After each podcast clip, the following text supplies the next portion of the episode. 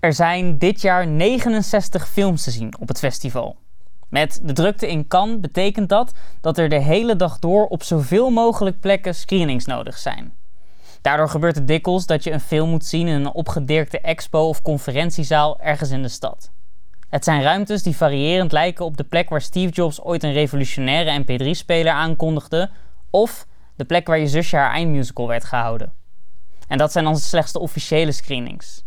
Er zijn ook premières en ik doe hier aanhalingstekens bij, want dat hoor je niet, maar ik zeg het er toch bij. Er zijn hier premières die door producenten groots worden aangekondigd, maar eigenlijk niks meer zijn dan een vertoning vanaf een laptop in een hotelkamer. Een slimme hack voor mensen met B-films die toch het kan-logo met de gouden palm op hun poster willen.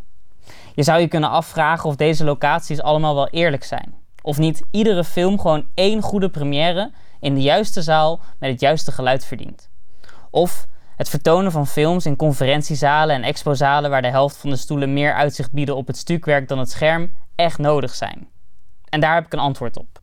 Het antwoord is Pedro Almodovar zijn film Dolor y Gloria. Een film over een filmmaker die het ouderdom tackelt en die mij ontzettend wist te raken.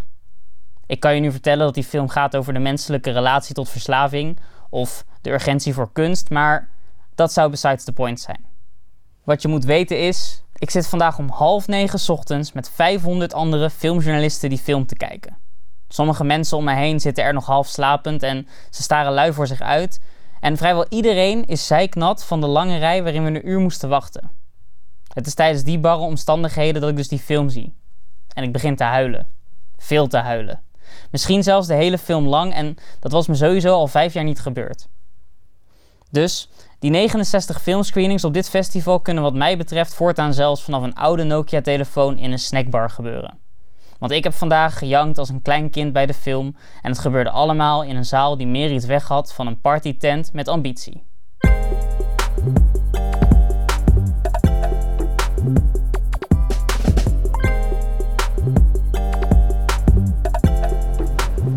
Welkom bij Onze Man in Cannes, de podcast waarin ik, Cesar Majorana, je mee mag nemen door het belangrijkste filmfestival op aarde. En de podcast waar ook, en het voelt soms een beetje illegaal dat we doen, maar waarin we films bespreken die nog niet in de bioscoop zijn, maar hier wel al in première zijn geweest. En we je dus precies kunnen vertellen of die wel of niet de moeite waard gaan zijn. En bovendien spreek ik hier elke dag iemand die op het festival wat te zoeken heeft.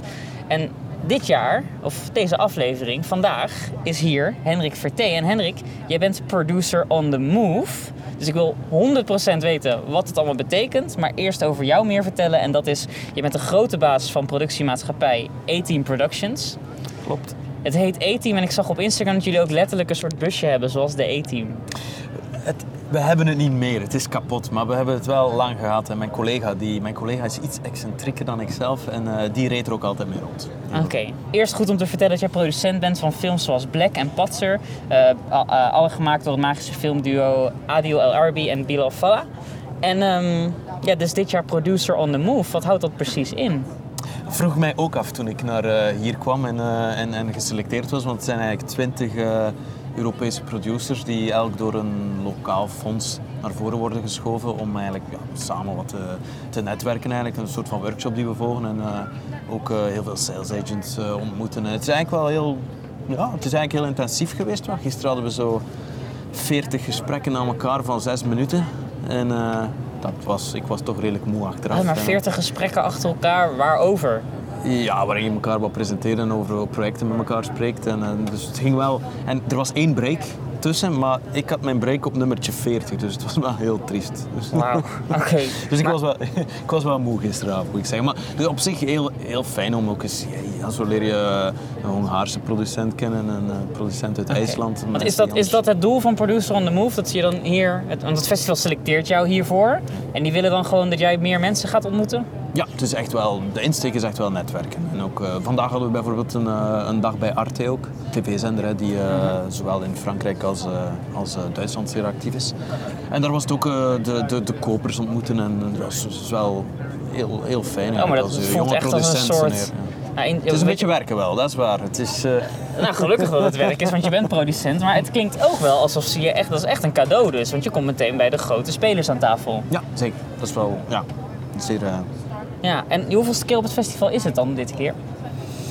Ik denk de vijfde keer, ja. Meestal wissel ik af. Ik ga ofwel een jaar naar Berlijn of een jaar naar Cannes. Ben ik wel benieuwd, als producer on the move, betekent dat dit jaar dat je er doorgedrongen bent tot een soort nieuw level op het festival? Bereik je nu, kun je nu meer doen? Kunnen we daar volgend jaar nog eens voor afspreken of wat gelukt is? Nee, ik weet het Ik denk het wel. Het is, wel, allee, het is ook fijn dat, dat, het, uh, dat uw eigen fonds u naar voren duwt. En het, is, het, is ook, het helpt ook heel hard voor de, de, de films die we nu die zo goed als af zijn, of de nieuwe films, om die beter in de, in de markt te zetten. We hebben ook heel veel, ja, ik zit hier bijvoorbeeld vandaag ook, maar heel veel journalisten. En het helpt wel om, om, uh, om die nieuwe projecten in de kijker te spelen. Ja, nou, en ik snap dat veel journalisten jou willen spreken. Je vorige projecten zijn erg goed ontvangen. Um, in veel van die interviews met jou, en dit vond ik zelf opvallend, lees ik dat Hendrik Vertee een commerciële producer is. Wat betekent dat ja, nou? Ja, dat vraag ik mij ook af. Ik ben ook een beetje vies van de... Allee, nee, niet vies, maar ik denk nou, dat... Het is geen mooi woord, jawel, commercieel, nee, toch? Jawel, jawel. Maar, Ja, voor sommige mensen, maar ook de, gewoon het verschil arthouse commercieel vind ik soms een beetje... Het is wel heel makkelijk om iets te plaatsen, maar ik denk altijd, ja, er zit zoveel tussenin. Uh, maar ik denk wel dat we al onze films altijd wel entertainment hebben willen maken, maar zeer nou, kwalitatief Patser, zeer entertainende film ja. bijvoorbeeld. Ja, inderdaad. Ik denk dat dat altijd wel belangrijk is. Maar nu doen we bijvoorbeeld een nieuwe film die we volgend jaar draaien. Is, uh, gebaseerd op een uh, kortfilm Baghdad Messi uh, van een uh, Iraakse regisseur. Dat is echt veel meer wereldcinema, maar dus ik ben vooral aangetrokken tot speciale projecten. Ik denk van die film gaan we volledig in Irak draaien ook. En daarvan denk ik, ja, daar word ik wel wild van. Ik denk, we, we hebben dat met de twee kortfilms ook gedaan. Weer drie maanden in het in Midden-Oosten vertoeven. Dat vind ik wel iets, ja, dat daagt mij ook uit. Net zoals met Adil en Bilal. Je leert zoveel ik heb zoveel downtown dingen leren kennen in, in Brussel, in Antwerpen, plaatsen waar ik anders nooit zou komen. En dat vind ik er heel, heel tof aan. En soms of vaak, misschien door een voorliefde, is dat wel een entertainende film. Maar soms kan dat ook een, een, een zeer een kleiner verhaal zijn. Dus, ja. dus een beetje toevallig, denk ik. Maar inderdaad, wordt, uh, je wordt snel in een hoekje geduwd. Nou, het is fijn om te weten dat je het niet als een belediging Nee, ziet. totaal niet. Er is ontzettend veel kunst inderdaad te vinden als commerciële maker. Um, nu komt er ook een vervolg op Patser. Ja, het schijnt. Het schijnt. Het schijnt. Ik, ik, had dat tegen een collega van jou in een heel lang interview over onze, over onze twee nieuwe films. Uh, de, de duikbootfilm uh, Torpedo en, uh, en een zombie-comedie die we alle twee release hebben dit najaar. Had ik, ik denk dat ik een half uur daarover heb gebabbeld en 30 seconden was de eindvraag, denk je dat je ooit nog een film met Adil en Bilal zou kunnen doen? En toen zei ik, ja, we zijn zeer voorzichtig aan het schrijven aan een vervolg op Patsers met de jongens.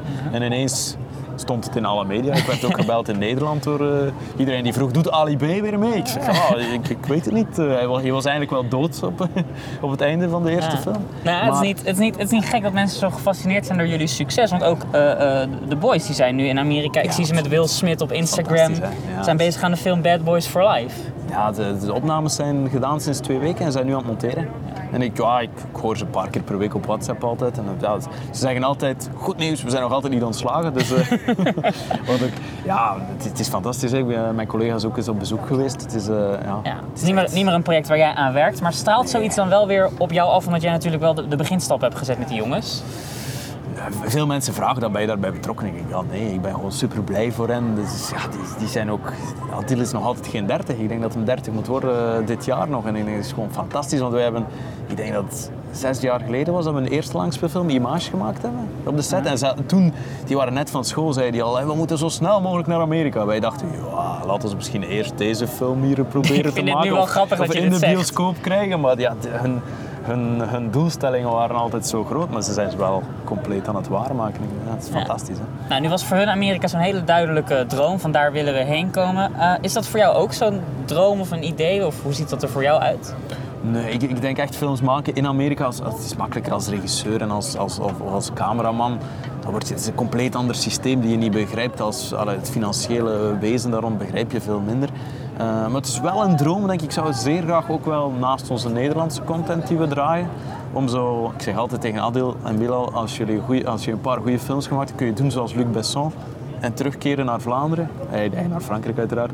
En dan kunnen we van hieruit ook Engelstalige content maken. Dat zou wel een, niet morgen of zo, maar wel een droom zijn van mij om ooit ook vanuit Vlaanderen Engelstalige content. Om ook dat het publiek nog groter is. En, en ja, dat zou ik heel fijn vinden moest dat Nou, doen. dit, klinkt wel, dit klinkt wel goed. En het is ook, misschien is het idee van de overstap niet gek, omdat veel van de films die jullie maken ook in genres vallen. Die, nou, bijvoorbeeld een zombiefilm is iets wat in Amerika ook perfect kan landen. Ja, absoluut. Eh, er vliegt volgens mij helikopter hier aan ons voorbij, waar een- vast een van die grote Amerikaanse producenten in zit. Uiteraard. Hey, wat ben je specifiek dit jaar op het festival aan het doen? Wat ben je aan het verkopen? Wat ben je aan het regelen? Vooral de twee films die we in, in release hebben nu. eh, die eh, Torpedo is een, eh, een, een, een heel toffe Wereldoorlog 2 duikbootfilm. Ik had net een afspraak met de, de Nederlandse producent Sander Verdonk, die De Oost heeft geproduceerd ook. Eh, die ook een oorlogsfilm in Nederlands. Ik zei ook in de jaren 40 gaan speelt. Ik zeg, we moeten samen zorgen voor de revival van de Wereldoorlogfilm in de Lage Landen. Toevallig- is dat dan voor jou, misschien een hele persoonlijke vraag, maar baal je dan ook niet als je dit, als dan in Nederland blijkbaar iemand met hetzelfde thema Maar ook aan de haal helemaal gaat? iets anders. Want bij de, de Oost speelt zich af in, eh, Indonesië. In Indonesië, voormalige Bij, kolonies. bij ons speelt het zich af op een duikboot die ook een beetje het heeft iets met, met de Belgische kolonie te maken tussen Congo en, eh, en, en Amerika. Er moet uranium vervoerd worden met een duikboot door eh, Vlaamse verzetslieden. Dus het is totaal iets anders, uiteraard. Nee, ik vind, het net leuk. Ik heb super veel respect dat zij ook, want het zijn alle twee films die eigenlijk misschien een beetje te groot zijn voor de lage landen, maar dat we toch die, die, die ambitie hebben om dat te proberen. Vind ik heel, Ja, daar moet je ook maar de persoon voor zijn. En wat is, eh, wat is het andere project? Eh, Het andere is een, is een zombie-comedie. Eh, die geschreven is door een Nederlandse eh scenariste trouwens, door, eh, door Evelien Hagebeek, die ook Rokjesdag heeft geschreven. Ik, toen de regisseur daarmee aankwam draven, dacht ik, hmm, is dat nu wel een goede scenariste? Ja, en dan vraag jij je af waarom ze jou een commerciële pro- producent noemen. Inderdaad. Oké. inderdaad. Maar een heel fijn script, een heel grappig iets. Zo, Het speelt eigenlijk met het idee van plastische chirurgie. Het is een jong koppel die, die voor goedkope plastische chirurgie naar Oost-Europa gaat. En uiteraard is daar een dokter Ja, met bezig woord- met rare Precies. experimenten. Het woord zombie vertelt dan een klein beetje waar we heen Ja. gaan. Ehm, wat is dan de grootste uitdaging of de grootste afleiding hier op het festival om die twee projecten te slijten? Wat werkt jou tegen? Het is heel spannend. Nu we hebben morgen een market screening voor, eh, voor eh, Torpedo.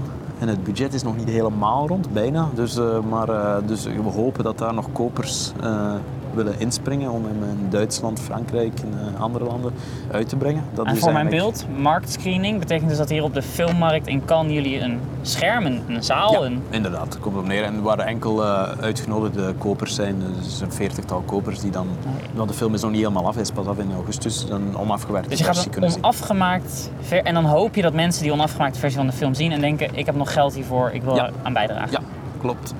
Oké, dat klinkt wel heel spannend. En als dat niet gebeurt, dan, ja, dan moet de producent het betalen. dan ben ik volgend jaar niet de kant. Nee, dat is mopje.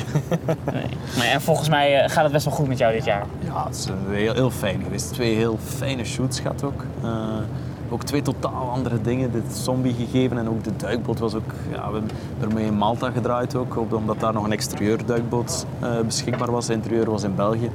De bouw daarvan was ook fantastisch. Het was ook een Nederlandse production designer die hem helemaal gebouwd heeft. Eh, nee, het was eh, een topjaar geweest eigenlijk. Ja. En begonnen met de release van Patser en dan weer twee leuke projecten om te kunnen doen. Ja. En dan hopelijk hier bekroond op kan met nog meer geld voor de komende films. Daar teken ik nu voor. Geweldig, dankjewel Hendrik Super. dat we een inkijkje mochten hebben in jouw festivalervaring. Dankjewel voor de uitnodiging.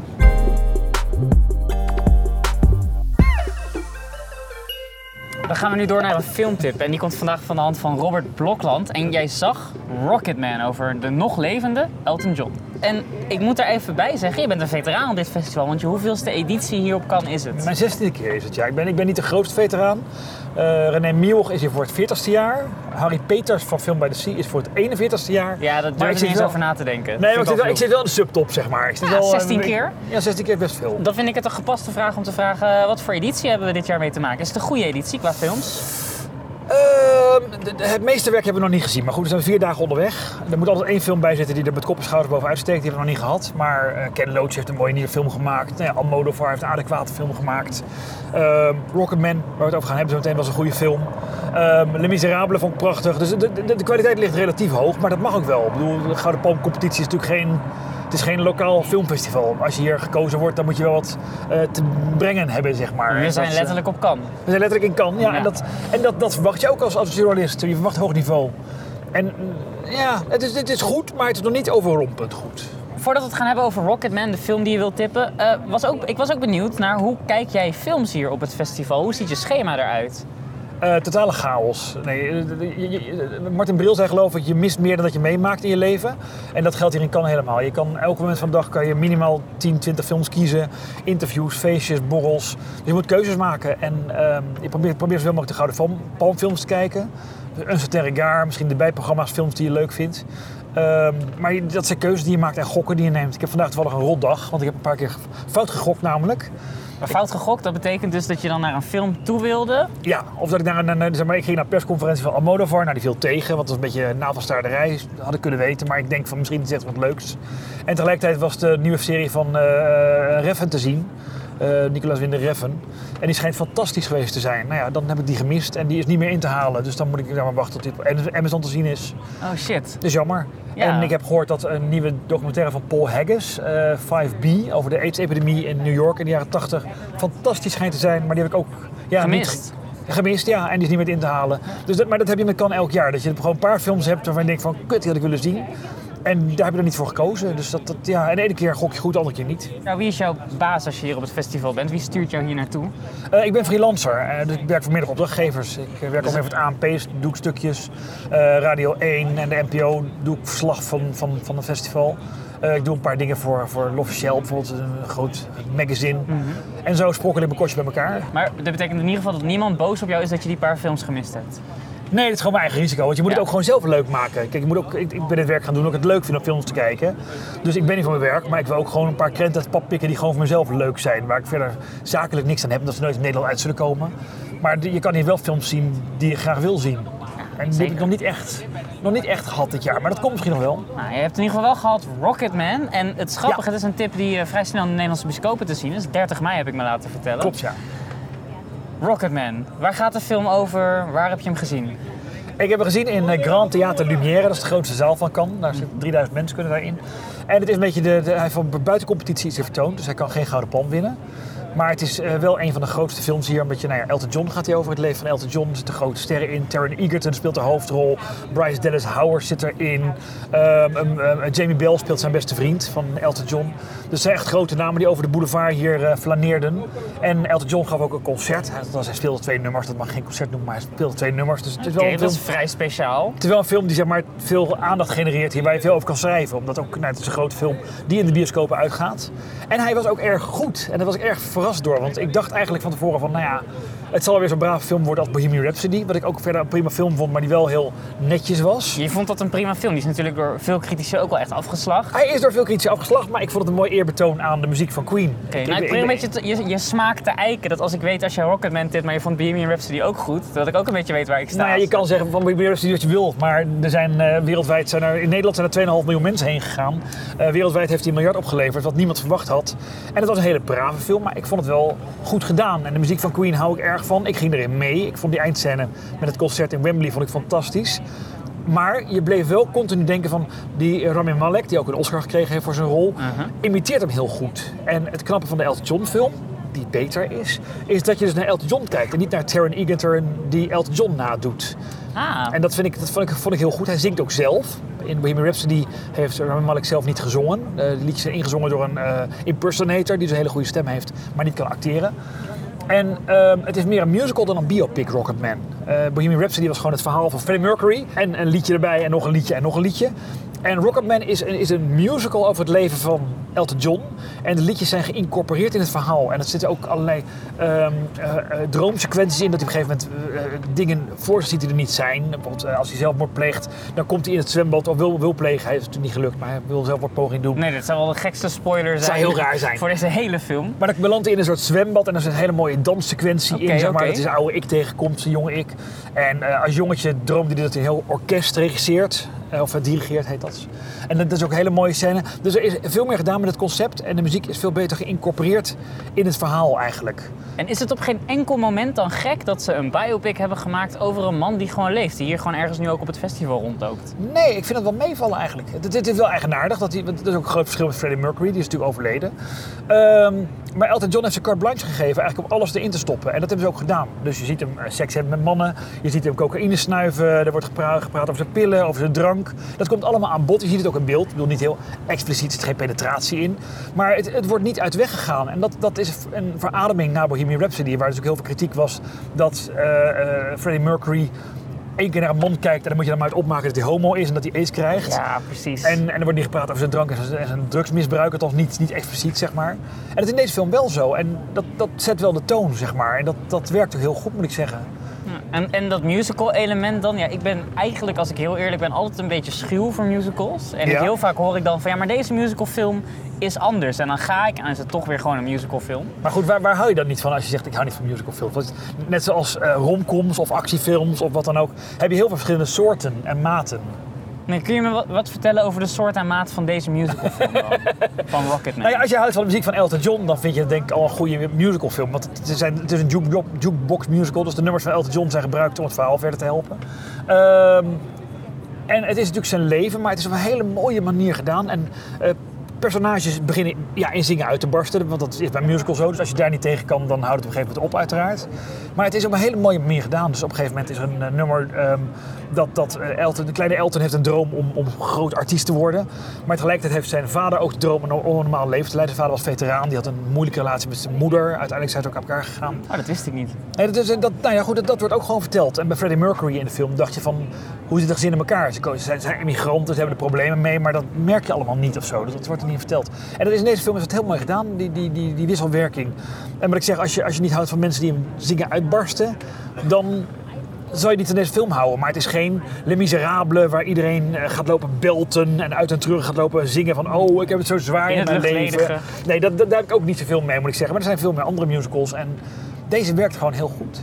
Ja, Ik, ik geloof je. Ik ben zelfs een klein beetje al enthousiast om terug in Nederland de bioscoop te bezoeken. Ja, en die. Taron Egerton, jongens. Ja, iedereen roept hier nu al, hij gaat een Oscar krijgen. Net zoals eh Rami Malek. Maar ehm, het is erg vroeg in het jaar. Het is nu mei. Maar hij doet het wel verdomd goed. Hij is echt, eh, ja, hij is erg ingeleefd in Elton John. Hij heeft ook uren met, eh, dagen met Elton John doorgebracht. En gepraat over zijn leven.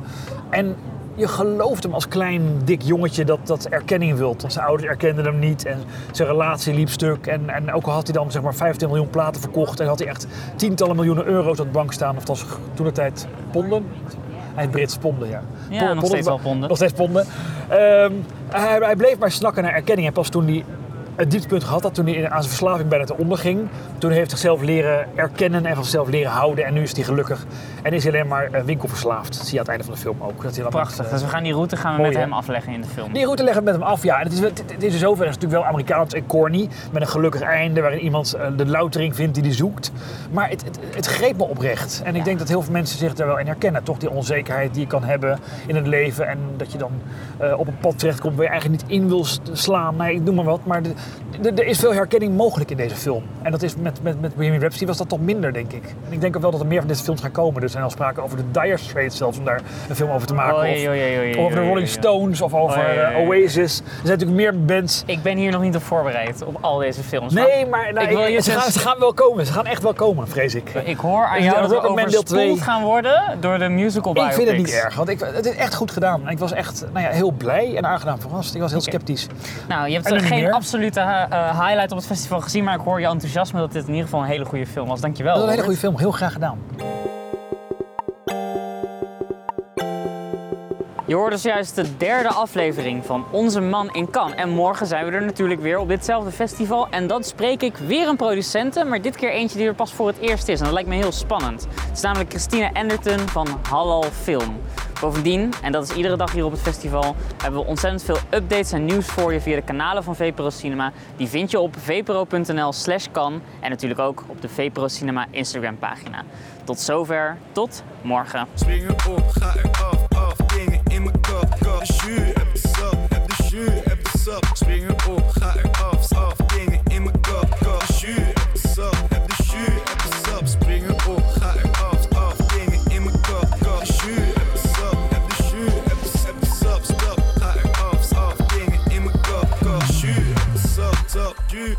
eraf,